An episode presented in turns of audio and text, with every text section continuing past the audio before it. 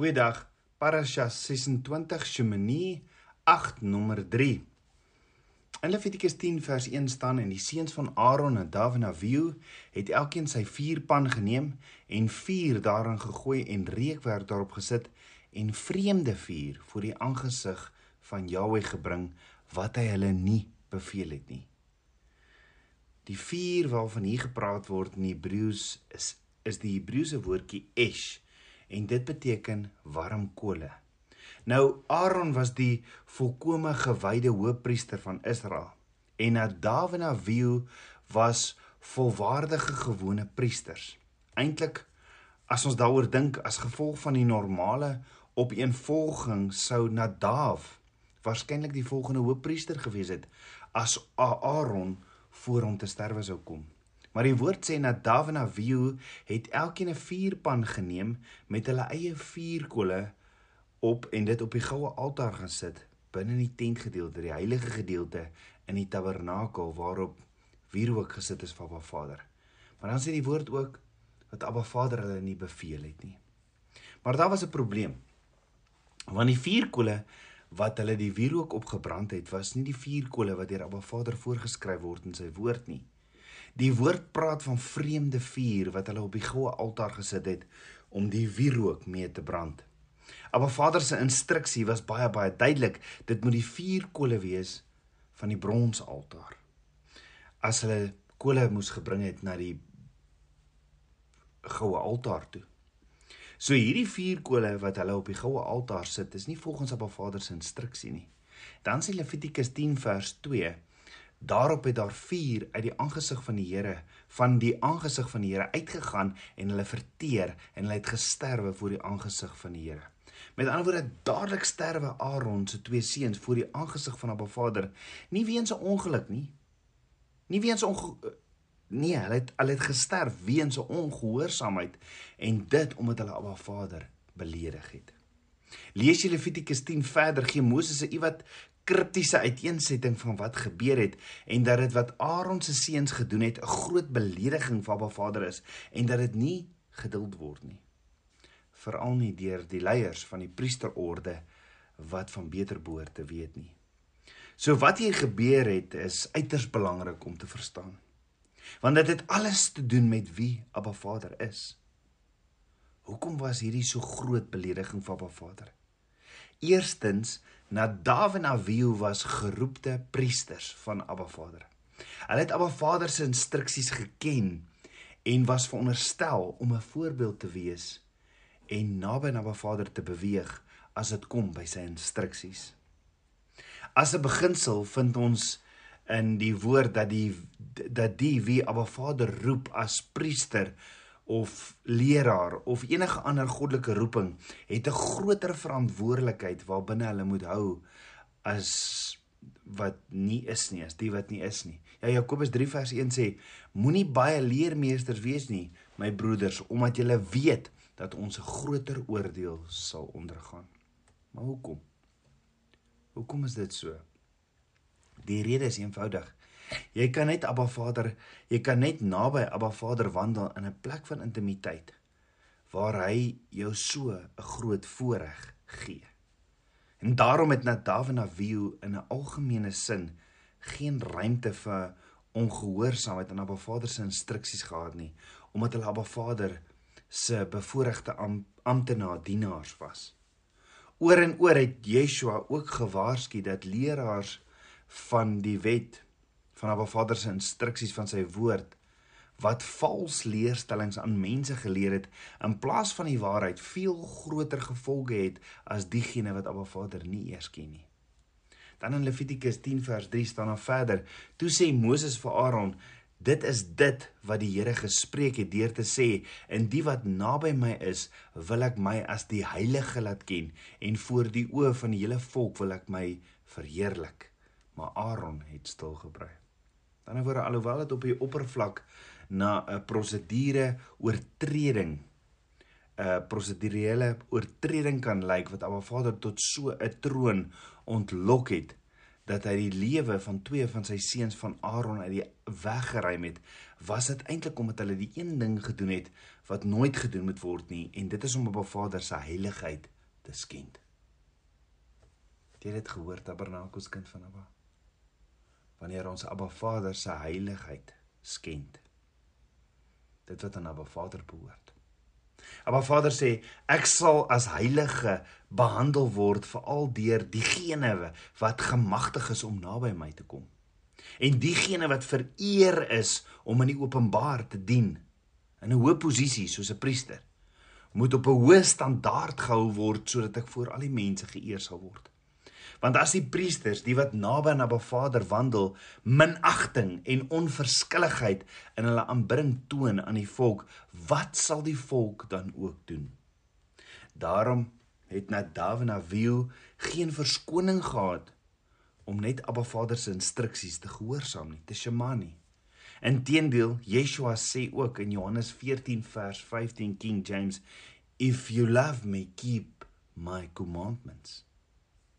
So hierdie is ernstig. Want dink daaroor. Hoe neem 'n God wat die lewe so waardeer, die lewe weg in 'n oomblik van oordeel? Wat het nou gebeur met die God wat sy volk barmhartig uit die hand van Farao gered het? Waar's die vergifnis wat Aaron en sy seuns in staat gestel het om priesters te word? Oorgegou. Ons dien net een God en hy verander nie. Ons moet die erns wat vir ons opgeteken word in sy woord met die grootste erns opneem omdat dit daar is om ons te leer. Die vraag is: het ons nog ontsag vir Abba Vader? Of het Abba Vader verander? Want ons sien duidelik Abba Vader se oordeel in die Ou Testament, maar die vraag is: het Abba Vader verander of is hy dieselfde ook in die Nuwe Testament? En dit bring ons by die Beresha gedeelte vir hierdie week in Handelinge 4 vers 32 tot 37 wat lees en die menigte van die wat gelowig geword het was een van hart en siel. en die een het gesê dat hulle iets van sy besittings sy eie was nie, maar hulle het alles in gemeenskap gehad en met groot krag die apostels getuienis gegee van die opstanding van die Here Jesus en groot genade was oor hulle almal. Want niemand onder hulle was behoeftig nie want hulle almal wat besitters van grond of huise was het dit verkoop en die prys van wat verkoop is gebring en aan die voete van die apostels neergelê en aan elkeen is uitgedeel volgens wat hy nodig gehad het. Dan in Handelinge 5 vers 1 tot 11 lees ons maar 'n sekere man met die naam van Ananias het saam met sy vrou Safira eiendom verkoop en ook met die medewete van sy vrou van die prys agtergehou en 'n sekere deel gebring en aan die voete van die apostels neergelê. Toe sê Petrus: "Ananias, waarom het die Satan jou hart vervul om vir die Heilige Gees te lieg en van die prys van die grond agter te hou? As dit nie verkoop was nie, het dit nie joune gebly nie. En toe dit verkoop is, was dit nie in jou mag nie." Waarom is dit dat jy hierdie saak in jou hart voorgenem het? Jy het nie vir mense gelieg nie, maar vir God. En toe Ananias hierdie woorde hoor, het hy neergevang gesterwe en 'n groot vrees het gekom oor almal wat dit gehoor het. Dan vers 7 tot 10. En na verloop van omtrent 3 ure kom sy vrou in in sonder in sonder om te weet wat voorgeval het en Petrus het daar aangespreek sê vir my of jy die grond vir soveel verkoop het? En sy sê ja vir soveel. En Petrus sê vir haar waarom het julle ooreengekom om die gees van die Here te versoek? Kyk die voete van die wat jou man begrawe het is by die deur en hulle sal jou ook uitdra. Toe val sy onmiddellik aan sy voete neer en het gesterwe. En die jong man het ingekom en haar dood gevind en haar uitgedra en by 'n man begrawe. Met ander woorde, hier in die Nuwe Testament is ook 'n gebeurtenis van twee mense wat sterf as gevolg van 'n direkte oordeel van Abba Vader. Hulle is nie deur enige aardse gesag doodgemaak of deur elektriese skok nie, maar deur Abba Vader se oordeel self. En dan sê Handelinge 5 vers 11 en 'n groot vrees het oor die hele gemeente gekom en oor almal wat dit gehoor het. Met ander woorde die apostels en disippels wat teenwoordig was en die hele gemeente was geskok en 'n groot vrees het oor almal gekom wat dit gehoor het. Want Spreuke 9 vers 10 sê die beginsel van wysheid is die vrees van die Here en kennis van die heilige is verstand. So kan jy dink hoe sou jy gevoel het veral as daar so ietsie was waaroor jy ook nie so eerlik was nie? Let wel Ananias en Safira was volgelinge van Yeshua. Hulle was Jode wat geglo het dat Yeshua Messias hulle verlosser en saligmaker is. Hulle was gevul met Ruach HaKodes, Heilige Gees en hulle was tabernakelskinders van Abba. So wat het hier gebeur? Eenvoudig gestel. Hulle het ook deelgeneem in wat almal anders op daardie stadium ook gedoen het. Deur hulle eiendomme wat hulle besig besit het te verkoop en die opdring opbrengste van die eiendom te gee aan die behoeftige gelowiges. Ananias en Safira was beslis opreg daaroor of ten minste vir 'n wyle want hulle het hulle eiendom verkoop en hulle die opbrengste vir die leiers van die kerk gebring soos hulle gesê die apostels. Maar 'n klein klein wit lintjie by vertel. Hulle het net so 'n ou klein bietjie van die geldjies teruggehou vir persoonlike gebruik. Ek meen, wat is so verkeerd met dit? Hulle moet tog ook lewe. En ek meen, die eiendom eiendom is tog immers hulle sin. Dit het mos regmatig aan hulle behoort. Of nie? So wat is so verkeerd daaraan om so bietjie vir jouself te hou en die grootste gedeelte daarvan vir die apostels te bring? Ek meen dit is soos ons tiendes, is dit nie?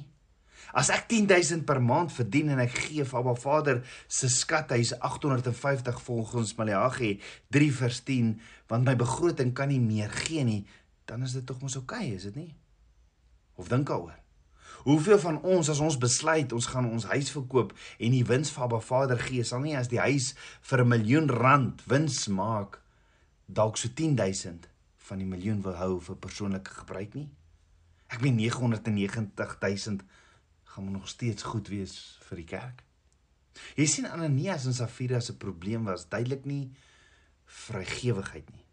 Nee, hulle probleem was hulle het vir die Heilige Gees gejok en dit was wat Abba Vader se oordeel met die doodvonnis oor hulle gebring het. Of is daar meer? Want hoeveel keer het ek en jy nie al vir die Heilige Gees gejok nie? Petrus self het 3 keer gejok vir Yeshua en Yeshua ontken en verraai voor die hand gekry het, maar hy het nie gesterf nie. So hoekom het so oordeel op Ananias en Safira gekom? Hoor gou wat leer Abba Vader ons in sy woord. Wanneer iemand 'n offer na die tabernakel, na die skathuis van Abba Vader toe bring en dit aan Abba Vader gee, word dit Abba Vader se eiendom. Om te verduidelik. In die offerstelsel het die offer amptelik Abba Vader se geword as die priester sy hande op die dier se kop gesit het. Dit noem ons in Hebreëus samika. Die oomblik as die priester sy hande op die dier se kop gesit het om aan te dui dat hierdie dier inderdaad die offer was en dat dit vir Abba Vader oorgedra is. So vanuit 'n geestelike oogpunt, wanneer het die oordrag van eienaarskap van die dier wat geoffer gaan word vir Abba Vader daadwerklik plaasgevind. Hooggeleerdes sê dit gebeur die oomblik wat die aanbidder die tempelterrein binnekom met die dier dat dit Abba Vader se eiendom geword het. Maar hoe dit ook al sê, die term wat die woord gebruik as offers aan Abba Vader gegee word, is die oomblik wanneer dit Abba Vader se word, dan is dit heilige eiendom van Jahwe Elohim. Nou volgens Abba Vader se woord is dit 'n baie ernstige oortreding as jy Abba Vader se heilige eiendom skade berokken. Die rede is omdat Abba Vader die heilige eiendom as heilig beskou. En toe Ananias en Safira besluit het om die eiendom te verkoop en al die geld aan Abba Vader te gee, het dit Abba Vader se heilige eiendom geword. Let wel, Ananias en Safira was onder geen verpligting om hulle eiendom te verkoop en die geld aan hulle vader te skenk nie. Dit was bloot hulle hartsbegeerte. So dit was hulle wens en gaan toe oor in aksie met ander woorde op 'n sekere tydstip het hulle eiendom toe hulle dit vir Abba Vader gee, dit 'n heilige eiendom van Jahweh geword. Ja, die oomblik toe hulle die eiendom vir Abba Vader gegee het, toe was dit syne en toe het hulle geen reg daarop nie omdat dit nie meer aan hulle behoort nie. So wat Abba Vader nou kies om met sy eiendom te doen, is sy voorreg. En wat Ananias en Safira eintlik gedoen het om van die geld vir hulle te hou was om Abba Vader te beroof. Want hulle skenking het op een of ander tydstip heilige eiendom van Jahweh geword. Hierdie tabernakelskind van Abba is bitter, bitter ernstig want dit het Ananias en Safira se lewe gekos. Dis amper asof dit wil voorkom of of Ananias en Safira op 'n baie hoë en baie streng standaard gehou is nie waar nie? Wel, natuurlik was hulle. Omdat hulle volgelinge, apostels was van Yeshua en het saam met Abba Vader gewandel in intimiteit in sy nabyheid. Was deel van die liggaam. Petrus sê in 1 Petrus 4 vers 17, want die tyd is daar dat die oordeel moet begin by die huis van God. En as dit eers by ons begin, wat sal die einde wees van die wat aan die evangelie van God ongehoorsaam is? Yeshua sê in Lukas 12 vers 48, maar hy wat nie geweet het nie en gedoen het wat slaaf verdien, sal met min slaag geslaan word en elkeen aan wie veel gees van hom sal veel gevorder word en aan wie hulle veel toevertrou het van van hom sal hulle oorvloediger eis. Met ander woorde in wese het Ananias en Safira dieselfde status voor Abba Vader gehad as die seuns van Aaron, Nadav en Abihu, want hulle was almal priesters. Nadav en Abihu was priesters van die hoëpriester Aaron. Ananias en Safira was die priesters van die hoëpriester Yeshua. In Petrus 2 vers 9 sê ons almal is priesters.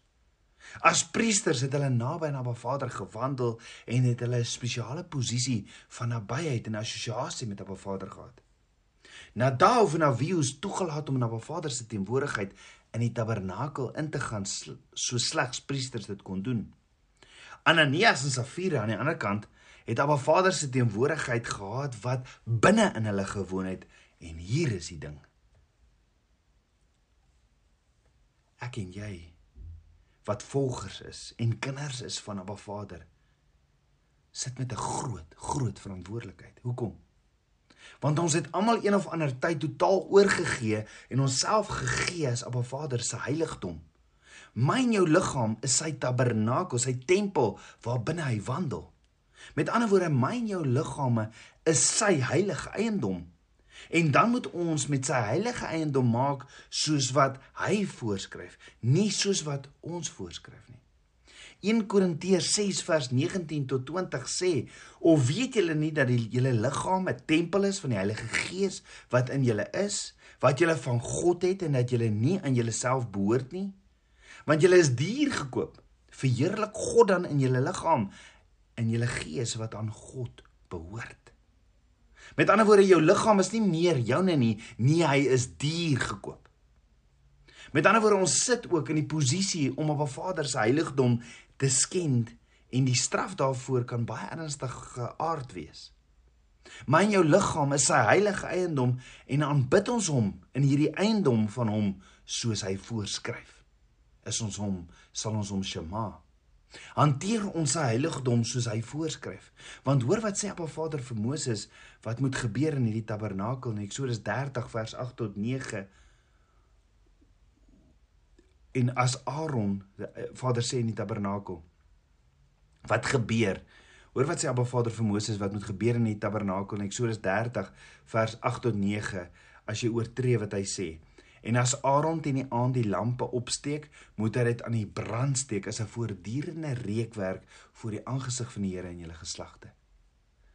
Julle mag daarop geen geen vreemde reukwerk of brandoffer of spysoffer bring nie. Julle mag ook geen drankoffer daarop uitgiet nie. So wat Abba Vader ook vir my en jou sê is, jou lig moet brand. Wat Abba Vader verheerlik en moet 'n soet geur van Yeshua los, ons hoëpriester vir die wêreld daar buite en moenie dinge wil doen soos jy wil nie.